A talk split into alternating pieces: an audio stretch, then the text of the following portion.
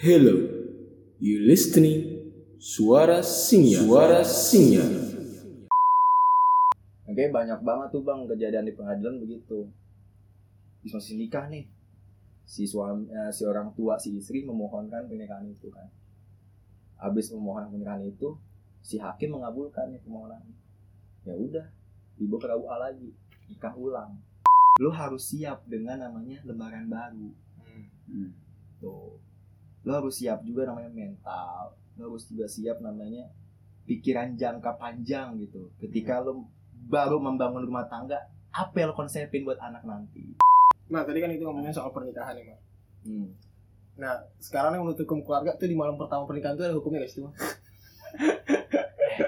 Lo kayak gak kayak gimana? Se- Secara hukum tertulis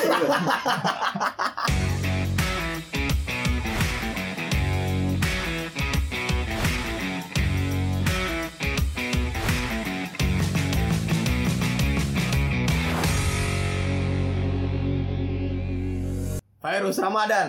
Anjir. Sertifikat. Sertifikat apaan? Ngobras. Ngobras. Ngobras apaan panjangnya? Oh, lu taunya apa? Ngobrol santai. Ngobrol santai. Santai. Virus Ramadan. Disokin. Anjir. Anjay. Udah udah Ma- mulai dah. mahasiswa UIN. Udah mulai dari tadi. Udah mulai. Iya. Udah Lo mulai. gak tau kan? Ya udah mulai. Udah mulai. Langsung lah kalau gitu. Mahasiswa UIN. Lo UIN semester berapa ya bos? Tujuh bos. Lu jurusan apa, gua gua udah tujuh semester akhir dah. Hukum keluarga jurusannya. Oh, hukum keluarga. Luar biasa. Mahasiswa hukum berarti. Iya. Hukum keluarga. Lo maksudnya yang keluarga hukum-hukum hukum-hukum keluarga lagi ngapain nih? Maksudnya kayak keluarga lagi Ya secara garis besarnya kan hukum keluarga itu hukum perdata. Hukum perdata yang mengurusi badan hukum yang bersifat antar hak orang. Baik itu perkawinan, warisan, sama namanya fala, eh fala bukan. Warisan wan prestasi tuh perdata tuh. Tapi itu jurusannya sama kayak hukum-hukum yang biasa nggak sih? Enggak, kalau gua lebih ke hukum syariahnya, Bang. Oh. Hukum syariah. Makanya itu di hukum keluarga eh, saling berkelibatan antara hukum perkawinan di Indonesia secara undang-undang sama hukum kompleks hukum Islam. Kalau disingkatin KHI. Gak ada kaitannya tuh. Iya. Berarti ntar ini kerja-kerja di pengadilan agama gitu Pengadilan ya? agama, terus bisa di KUA, Oh iya. bisa jadi penghulu gitu. Kalau secara ini aneh ya pandangan pandangan ininya ya, Iya. Tuh, tuh pandangan enggak taruh tuh kan tuh bolong tuh bolong tuh kayak gue tolong banget. secara pandangan kita ini nih Iya. dari mahasiswa hukum keluarga ya rujukannya ke pengadilan agama bisa pengacara juga tapi kalau jaksa nggak bisa kalau jaksa masuknya ke ilmu hukum yang umum konvensional Kenapa, kenapa ya? Kenapa kenapa lu lebih maksudnya kan banyak kan nih jurusan-jurusan kuliah-kuliah yang lain gitu. Kayak di UIN banyak lah gitu kayak pendidikan Islam terus kayak tafsir apa Hmm. segala macam. Manajemen dakwah. Manajemen dakwah, Iya. penyiaran Islam ada kan? ada Manajemen dakwah. Jadi Kenapa lu nggak milih yang itu gitu? Kenapa lu milih ke sini? kan kalau dari Ah. gue kan alumni pondok pesantren salaf ya Oh, lo salaf ini harapan kelompokan tirai Oh. hijau gitu. iya tidak hijau Kelompokan tirai hijau. anjing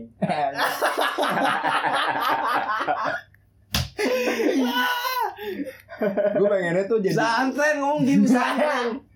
Gue pengennya tuh nih bang, gue tuh pengen nih masuk ke MD awal-awal dakwah Oh. Karena dari basicnya tuh gue masih masuk nih pelajaran pondok kan Oh, iya iya.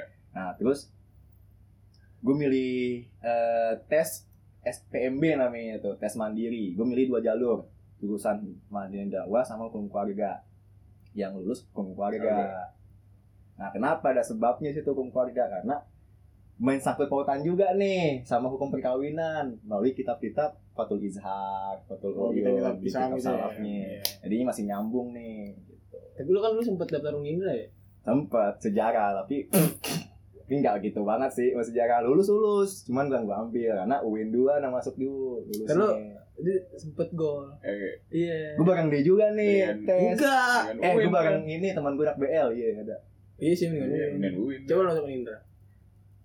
Itu pas puasa bang, pas Iya. puasa tuh gue ngambil dua kampus tuh tes. Pertama UIN, UIN kan tiga hari tuh tesnya Iya. Nginep di kosan temen dulu nih sama bareng abang kelas. Setelah tes di UIN tiga hari itu Unindra gue ikut tes juga. Itu gelombang akhir Ah, ikut tes tuh sejarah. Ya maksud gue kan kalau kata orang tua gue dah negeri dulu baru swasta. Iya. nah gue ambil simpanan itu swasta. Ya, ternyata pengumumannya duluan Unindra Iya. duluan UIN. Nah Iya. UIN tuh belakangan. Nah karena gue bingung nih ngambil Unindra apa UIN dulu ya udah lulus duluan nih. Ya udah dah. Gue ke pondok tuh. Ah, lagi sholat duha tuh mi gue inget banget. Hmm. lagi sholat duha. Habis sholat duha gue buka ini nih apa ya, pengumuman informasi. Nama gue ada. Di UIN. iya di UIN. Canggih. langsung gue babat di situ. Maka ambil UIN langsung. Hmm. Berarti selang satu hari setelah Salah satu hari. Soalnya bulan. April apa bulan Mei tuh kan Oh, lupa iya. gue enam bulan itu Ngomongin soal pernikahan ya, asik. pernikahan. Ya, sekarang kan di Indonesia eh pernikahan itu kadang-kadang menjadi hal yang Lumrah. bisa dibilang iya lumrah. Terus kadang ada orang yang memainkan pernikahan itu. memainkannya dalam artian Kayak- kayak, Gue lebih memilih nikah siri karena kalau misalnya gue cerai, ya udah tinggal cerai gitu. hmm. Nah sekarang tanggapan lu tuh gimana tuh? Akan hal itu? Kalau bicara undang-undang ya undang-undang hukum perkawinan itu di Indonesia pasal 2 ayat 3 kalau nggak salah ayat 3 ya itu eh, negara udah mewajibkan siapa yang mem- siapa yang pengen nikah itu harus dicatat dengan catatan pernikahannya di KUA. Nah, Dicatat oleh negara. oleh negara. Sebab apa? Karena kita nih ya kali eh, ada seorang ibu dan ayah yang nikah di bawah tangan atau nikah yang tidak dicatatkan atau bisa dikata baikan lah nikah secara agama Islam. Iya. Nah, itu resikonya besar nih bang, besar banget resikonya. Sebab resikonya itu pertama anak itu nggak dicatat dengan pernikahan, dia sekolah pun nggak dapet akte Kelahiran. wah lahiran, Iya. keluarga juga nggak dapet kakak. Nah, susah dong buat sekolah. Iya. Nah, makanya dari situ pernikahan harus dicatatkan biar anak ini dapat suratnya tuh, surat apa? Akte keluarga keluarganya gitu. Ya. Nah. keluarga kartu keluarga. Ada keluarga gitu, Ya, akte kelahiran, kelahiran. akte keluarga gitu kan. Nah, kalau eh, lain hal lagi perihal warisan. Ya. Kalau nikah yang dicatatkan, hubungan anak, ya hubungan anak itu sama ibunya doang. Kalau Kalau nikah yang dicatatkan, nikah siri. nikah siri saya agama, hubungan sama bapak kagak, binnya pun nggak ke bapak, binnya bintinya ke ibu. Hmm. Gimana cara warisannya dapat kayak gitu? Hmm. Nah, kan rugi ke anak. Iya betul. makanya rugi ke anak makanya di catatannya itu biar anak ini dapat haknya di situ ketika bapaknya meninggal anak ini dapat warisan Hmm. itu saya sederhananya lah pemahaman sederhananya nah makanya di situ eh, undang-undang nomor 1 tahun 74 pasal 2 kenapa harus catatkan biar anak ini nggak ada resikonya Hmm. Tapi kalau secara di mata hukum nikah siri itu boleh bang sih? diperbolehkan tetapi ada risikonya Hmm. itu pemahaman gua ya Ya. dia risiko banyak risikonya Kenapa ya? Kenapa emang orang-orang lebih memilih nikah siri itu Iya, kenapa? ya? iya. ini Menurut menurut pendapat lo gitu. Iya, kan kalau menurut pendapat gua kan masing-masing pendapat ya kan kalau misalnya menurut pendapat gua kan orang nikah siri ya karena ya kayak sekarang eh, mohon maaf oknum-oknum public figure di luar sana lah gitu kan. Iya. Banyak kan lo yang ada nikah siri dulu terus nikah secara sah sah ag- eh, negara gitu ada yang benar-benar nikah siri doang dengan dengan dalih jadi kalau misalnya pisah udah pisah aja Pisah gitu aja, ya kan iya. ketika kalau misalnya nikah siri itu kan setahu gue gitu ya ah gue mau pisah sama lo udah tak putus Hmm. lagi udah ngomong talak tiga udah kan Hmm. udah habis nah kalau menurut lo gue Setuju sih gue sama kayak lo. Jadi kayak menggampangkan suatu hukuman gitu kalau nikah siri. Karena nggak ada keterikatan secara pasti. gitu. nah sekarang gue pengen tanya lo nih tanya lo balik nih hukum itu buat apa sih Nah itu dia. apa jawaban lo Untuk hukum buat apa untuk mengatur. hukum hukum hukum dibentuk untuk dilanggar Ah, saya SMA banget tuh gue nakal ya ayo bang hukum itu buat apa hukum buat mengatur hal tersebut lah. Nah, Nah, ngatur hal pernikahan itu. tersebut dengan adanya hukum, dia mengerti dong Ya, konsekuensinya Kalau setelah melakukan hal itu. oh iya. Nah, Hmm. makanya hukum keluarga itu kan sambung menyambung nih Hmm. antara eh, individu dan juga aturan negaranya. Hmm. Lu nggak bisa main-main, Bray. Apalagi pernikahan yang Hmm. sentral banget dalam agama apa pun dengan keturunan-keturunan lu. Hmm. Kalau keturunan lu kagak ada namanya eh apa ya, bentuk surat tertulis itu anak siapa anak siapa anak siapa siapa yang nanggung jawabin Hmm. kalau misalkan cerai ya betul. Nah, makanya buat apa ada KUA kalau buat mencatatkan tetapi tidak ada masyarakat yang nyentuh hal itu gitu. Nah KUA kan buat apa? Buat catat tentang nikah lo nih. Lo pengen nikah tanggal segini, segini, segini, catat sama KUA. Nah, sedangkan ketika lo nikah siri, mohon maaf, KUA bukan gak memperbolehkan buat lo isbat nikah, tetapi lebih dahulukan diri lo ke pengadilan buat memohonkan pernikahan lo secara sah secara agama. Nah, ketika pengadilan mengabulkan, baru KUA untuk dicatatkan nikahnya. Ada lagi kasus lain. Misalkan kejadian anak usia di bawah umur. Ah. Nah, Undang-Undang nomor 16 tahun 2009 apa 2019 itu ya? Lupa aku tahunnya lupa. Eh, dia itu secara umur perempuan maupun laki-laki itu harus berusia 19 tahun.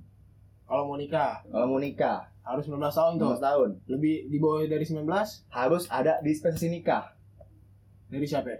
Dari pengadilan. Oh. Dispensasi artinya apa? ya? Memohonkan suatu perlakuan atau perbuatan yang berkaitan dengan hukum harus disahkan dengan lembaga hukum. Hmm. Misalkan Ami atau Mang Yoga nih punya istri masih usia 18 tahun. Mau nikah, mau nikah tapi Mau- belum Nah. bukan kasusnya bukan mau nikah sih, lebih ke kasusnya itu hamil belum nikah.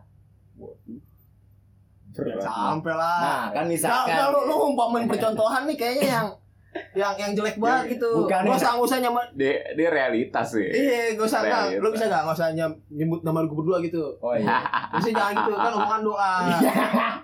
Iya gitu juga. Jangan gitu. Maksudnya kan dalam artian nama itu Kayak misalnya bisa. kayak misalnya enggak kayak misalnya Haji Pandi Ahmad eh ambil luar nikah sama dia bokap lu gitu misalnya. Ya misalkan si si A dah. Ya, misalkan si A nih. Si A Iya, nik eh, punya pacar si si Fulan. Fulan. Ah. Usia pacar inya itu di bawah 19 tahun, misalkan umurnya 16 tahun dah. Hmm. Nah, si A yang si laki-laki ini umurnya 20 tahun Hmm. gitu.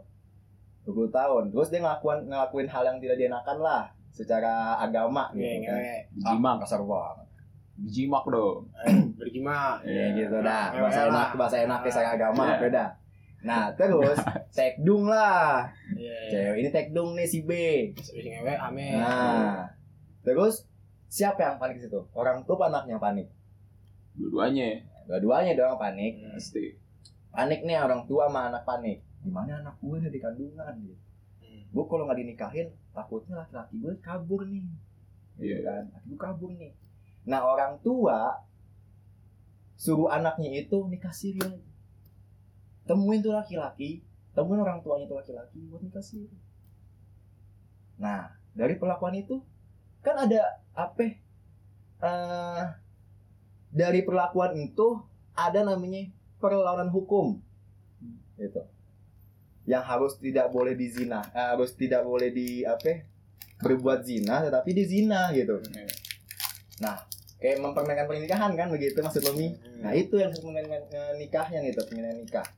Dalam artian permainan nikah enak banget ya. Sekarang perempuan nikah belum nikah hamil luar nikah tapi kok orang tua udah bisa ngasih omongan nah nikahin aja.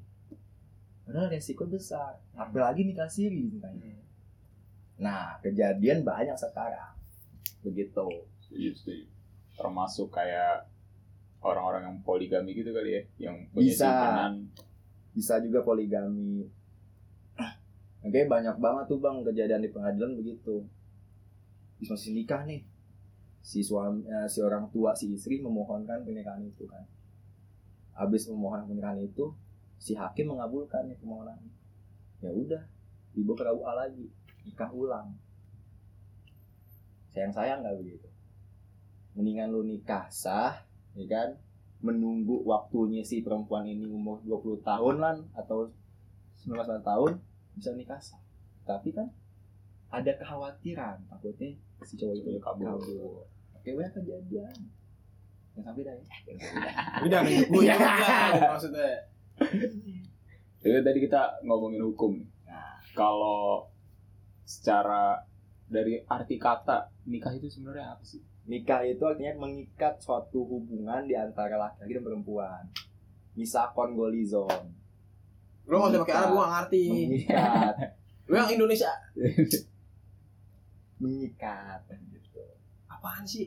tolong banget biar ini dengerin enak misakon golizon Oh. Hmm. Kan begitu cara bahasanya ini. Iya. Akad. Nah, di situlah akad ketika di antara laki-laki dan perempuan beserta penghulunya mengakad nikah. Ada kewajiban dia ditaruhkan dari orang tuanya si eh, wanita ini ditaruhkan ke si cowok ini sebagai suami untuk mewajibkan suatu hubungan. Gitu. Apa aja mah yang diperluin kalau misalnya kita, misalnya nih, umpama gue pengen nikah nih, pengen nikah, ya kan? Udah ada jodohnya, Udah ada, duitnya. Belum ada. Maksudnya apa gue perlu, eh kalau misalnya menurut dari sudut pandang negara gitu, gue harus ngapain gitu sebelum nikah gue harus ngapain gitu. Ya, harus Kan kalau misalnya menurut menurut calon mertua ya, camer ya kan, Asik. Eh, Eh, camer. Kalau gue tuh, gue bisa, semuanya dong. Puyeng. Nah, iya. Ntar gue ambilin. Kalau misalnya dari camer kan bilangnya kan, Bang, ini kan, Eh, banyak tendang. iya. ini di ngobrol ya. kalau menurut orang-orang kan dia itu kan Wah, apa apa? kagak kalau menurut Coba orang-orang jangan dulu gini deh, sampai enakan sambil baca aja PDF. Terusnya biar nggak salah bacaan, biar nggak salah artian kalau gue ngomong, biar dikoreksi gitu. Atau lu punya pertanyaan dari PDF ini? gua enggak gua ada gua ada Ada PDF. gua ada Oh. enggak gua ada di luar di luar otak Oh. gue banyak gue banyak yang udah pertanyaan ngajuin ke Ya udah, ini kalau misalnya tadi gue mau nanya apa nih? kan lupa kan lu sih misalkan camar. iya misalkan kalau misalnya dari negara itu kan kayak misalnya lu nikah nih menurut calon mertua kan lu harus punya kerjaan Hmm. eh, hidup lu harus mapan gitu Hmm. pokoknya yang berhubungan dengan harta lah gitu nah kalau misalnya dari negara ini ada kan kayak misalnya lo harus ngapain dulu gitu.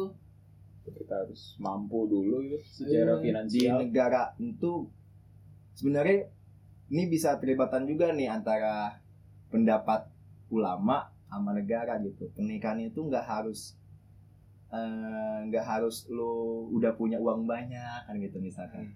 Nggak harus lo udah punya eh, kemapanan dalam segi bentuk materi. Enggak sebenarnya yang dipertamain banget tuh sama pernikahan lo harus siap dengan namanya lembaran baru. Hmm. tuh. Lo harus siap juga namanya mental lo harus juga siap namanya pikiran jangka panjang gitu. Ketika lo baru membangun rumah tangga apa yang lo konsepin buat anak nanti? Gitu. ya kalau mahar itu kan dari perempuan nih. Kita mampu gak nih? Tawaran dari perempuan? Kalau kita nggak mampu nego-nego dah. Gitu bahasa kasarnya ya. Ego. nego-nego sama siapa? Sama perempuan nah kalau perempuannya mintanya mahal? Nah harus tanggung jawabin lo harus penuhin kemauannya dia. Loh, kalau misalnya gue nggak mampu? Nah, makanya di situ ada omongan lah. Kata-kata sih begitu sih. Enggak mahal itu kan dalam artian apa itu? Eh kewajiban sebagai laki-laki untuk memberikan dia sebelum akad. Kata-kata kan begitu. Ya, kita harus mahal. kalau seribu boleh gak Ah, nggak boleh. Yang nggak tahu tergantung perempuan. Ada yang pakai nih. Pakai apaan tuh? Mas. Mas, ada yang pakai jasa, misalkan suara bagus kan Quran. Oh. tergantung dari perempuan gitu jangan dipatokin sama aduh cewek gue berapa mahalnya nih tanya dulu Ya, Maunya apaan itu? Iya. Mau mau Pajero? Bak mampuin dah. Pingsan ntar lu. Pingsan gua. Jangan dah Pajero dah. Tapi kalau dilihat-lihat faktor orang melakukan pernikahan itu apa sih? Apa sih mendorong orang nikah tuh? Ada yang karena apa ya karena pacaran lama ya kan Ya. lama nih dinikahin ini nikahin gua oke nikahin lah tuh si cowok ke cewek. Ada yang lebih ke ta'aruf ya kan? Eh, orang tua ngeliat perempuan yang disukai sama laki-laki gimana menurut orang tuanya. Jadi ada namanya apa? Ya? konsultasi dulu. Oh, Nah, konsultasi Tapi dulu. kalau misalnya ambil di luar nikah tuh ma- termasuk mendorong pernikahan itu gak? Kan mau nggak mau. bisa jadi nih Orang- karena hal yang terjadi itu negatif. Ya, nah makanya didahuluin tadi kan Yoga nanya apa faktor faktor orang mendorong mendorong pernikahan. mendorong pernikahan. Berarti kan ada sisi positif, negatif Sisi sisi negatif. negatif ya kan. Sisi positifnya ya mungkin emang udah pacaran lama terus kayak misalnya dijodohin mungkin ya. Ya, gitu gitu bila di sisi hal negatif selain hamil ngehau gitu di luar nikah ada gak? poligami sih poligami banyak atas dasar apa dia mau poligami? Nah. kurang ya mungkin nafsunya. Kita itu bicara bicara kodrat manusia tuh mi. Nafsu psikologis Iya. gitu. Material. Ya tiga ini lah banyak kan ya kalau kalau pendorong hal nikah itu. Ya maaf nih nafsu. Belum Iya. siap tapi harus udah dilakuin. Makanya fatal. Ada nggak? Banyaknya perceraian. Ya. tuh bisa bisa bisa, bisa. Tapi gimana nih ma menurut eh, lo nih tadi kan lo bilang yang tadi lo bilang kalau dia mentingin nafsu Hmm. terus dia maksain untuk nikah terus terjadinya suatu Cerai perceraian ya. Iya. Nah, berarti kan ka- eh, kalau menurut filsafat itu kan sesuatu yang terjadi pasti terjadi karena adanya sebab. Hmm. Nah, sebab terjadi perceraian itu rata-rata di Indonesia itu gara-gara apa?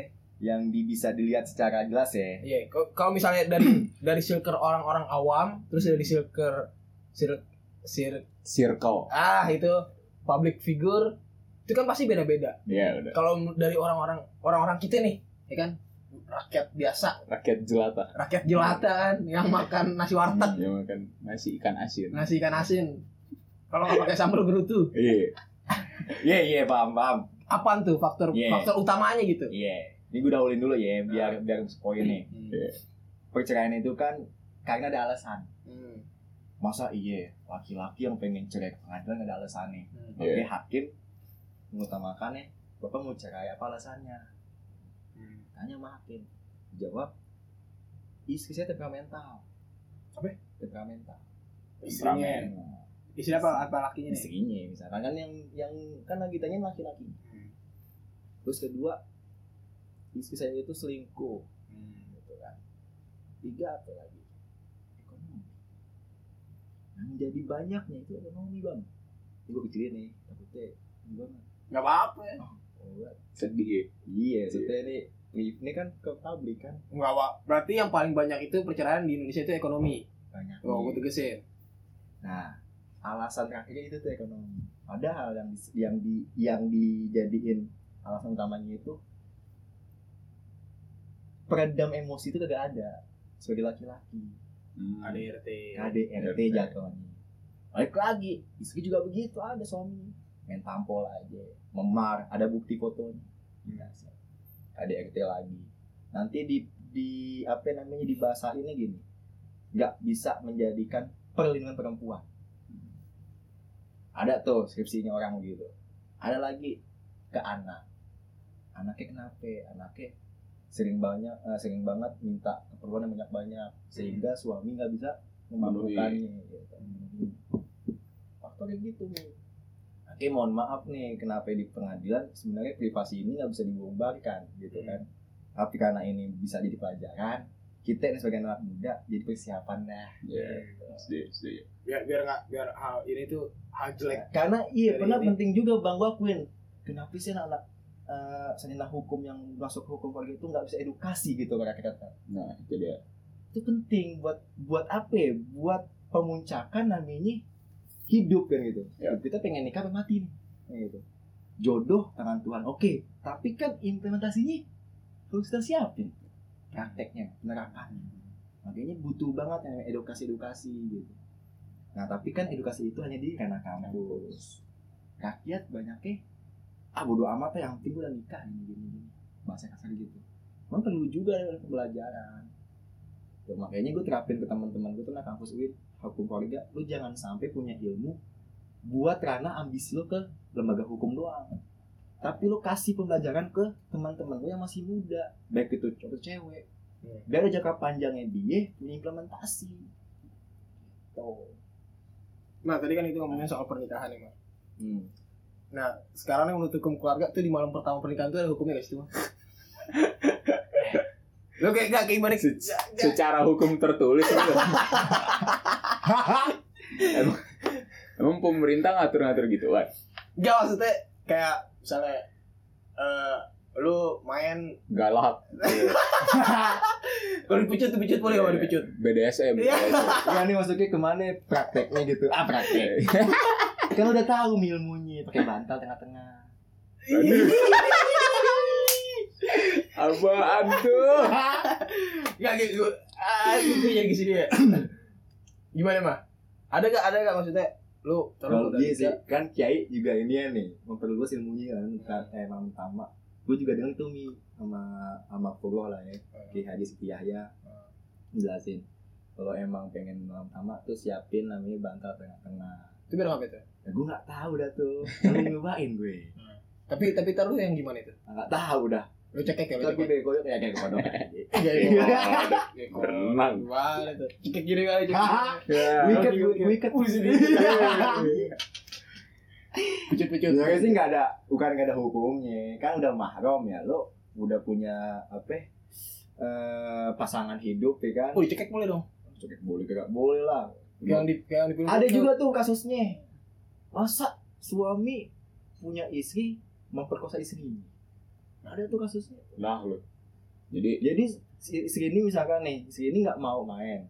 Nah si suami lagi Birahi. birahi, lagi naik nih birahi. Nah main kan ada di kasur. Masa digugat suami? Eh, ma, ma, ma. Ada tuh bang. Aku pengen lucu ya Iya. Eh, kalau misalnya yang dia tiba-tiba ngajuin perceraian gitu, tanya alasannya apa? Gara-gara suami saya loyo dilanjut. ya kayak bedom ginseng Eh, ginseng ya. Gue sih semenjak ke pengadilan kemarin. Enggak, itu gunanya ada nggak- gak? nggak ada. Nggak ada. Nggak ada. Allah, iya. Lebih ke cerai gugat nih paling ya itu suaminya nggak kerja nggak nafkahin. nganggur Nganggur dong. Ngapain nikah kalau gitu? Nah nih itu jangka panjangnya harus perlu banget dia dikulik-kulik. Iya. Seberapa batasnya kita sebagai laki-laki untuk ngomongin apa perempuan harus diedukasiin tuh. Mungkin dari KKI udah ada kali materinya kita belum denger aja kali bisa kali bahas. Kurang ngajinya. Mungkin lo gue ada pertanyaan yang Ini- ini sih gue ada satu pertanyaan Apa itu? pengadilan tuh punya peran gak sih buat nyatoin orang-orang yang pengen cerai lagi Nggak bisa bang, Gak bisa nggak bisa. apa Pengadilan itu dia sifatnya pasif. hmm, Nah, di pengadilan itu sebelum kita beranjak ke pengadilan atau persidangan, kita harus dulu ke mediasi. Iya. Misalkan si A dan si B, dia perselisihan berat nih rumah tangganya. Nah, dia pengen sidang. Nah, dimediasiin dulu. Ada mediatornya. Kalau di pengadilan agama Jakarta Selatan tuh ada mediasinya di di ruang di ruang pengadilan. Jadi dimediasiin dulu kenapa ibu bapak sebabnya apa kok bisa pengen cerai gitu kan. Iya. dijelasin sampai ada ngamuk-ngamuk sampai ada yang banting apa banting kursi lah bahasa kasarnya kan. Pokoknya anggapannya piring pecah dah. Iya. piring pecah. Apa ditanya gitu. Tapi nggak ada yang goals nggak ada yang udaman nggak ada yang udah mah ya. Semuanya pengennya dari rumah karena pengadilan udah tau pengen cerai. Makanya yang jadi permasalahan itu kenapa ya orang-orang dikasih jalan penengah kok dia pengennya nah memperpisah itu dia. Tommy. Menurut lo kenapa itu? nah gua gua gambarin situ sengketa itu diutamakan tetapi tidak mau diperbaiki iya. Itu kalau gue gambarin. Padahal udah jelas mediasi itu ada tempat untuk mendamaikan solusi. Hmm. Bukannya kita itu menjadi pengadu domba di antara dua belah pihak. Ini kenapa di situ? Tidak selalu bos karena dari rumah itu udah punya konsep gue pengen cerai. Udah nggak mau lagi sama dia.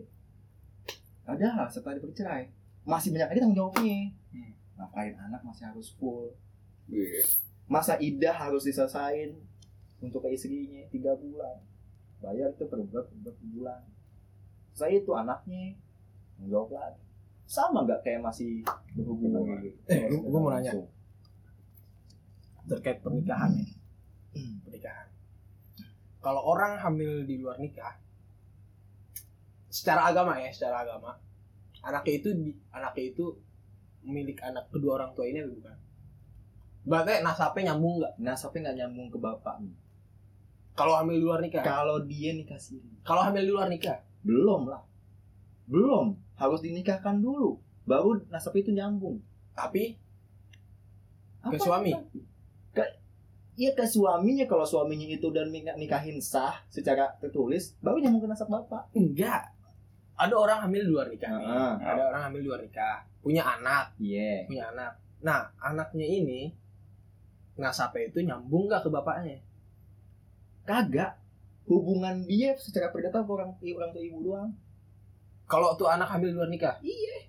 berarti Itu ada. Tadi kan gua berarti gini kan kalau misalnya kan kalau misalnya oh gua sampai jongkok deh aja sampai jongkok sama sampai jongkok deh udah mulai serius udah mulai serius udah mulai serius deh aja. Gini. menarik ya. kalau misalnya perempuan Ah. perempuan yang lahir perempuan kan perempuan kan harus dinikahkan sama Bapaknya. ya. bapaknya Mm-mm. kalau itu anak perempuan hamil di luar nikah misalnya pasangan ini hamil luar nikah ngelahirin anak perempuan dan anak perempuan ini nasabnya kan nggak ada nih ke bapaknya. Mm-mm. berarti anak ini yang nikahin wali hakim dong. Kok wali kan anak perempuan ini nggak punya nasab ke bapak. Bener nggak?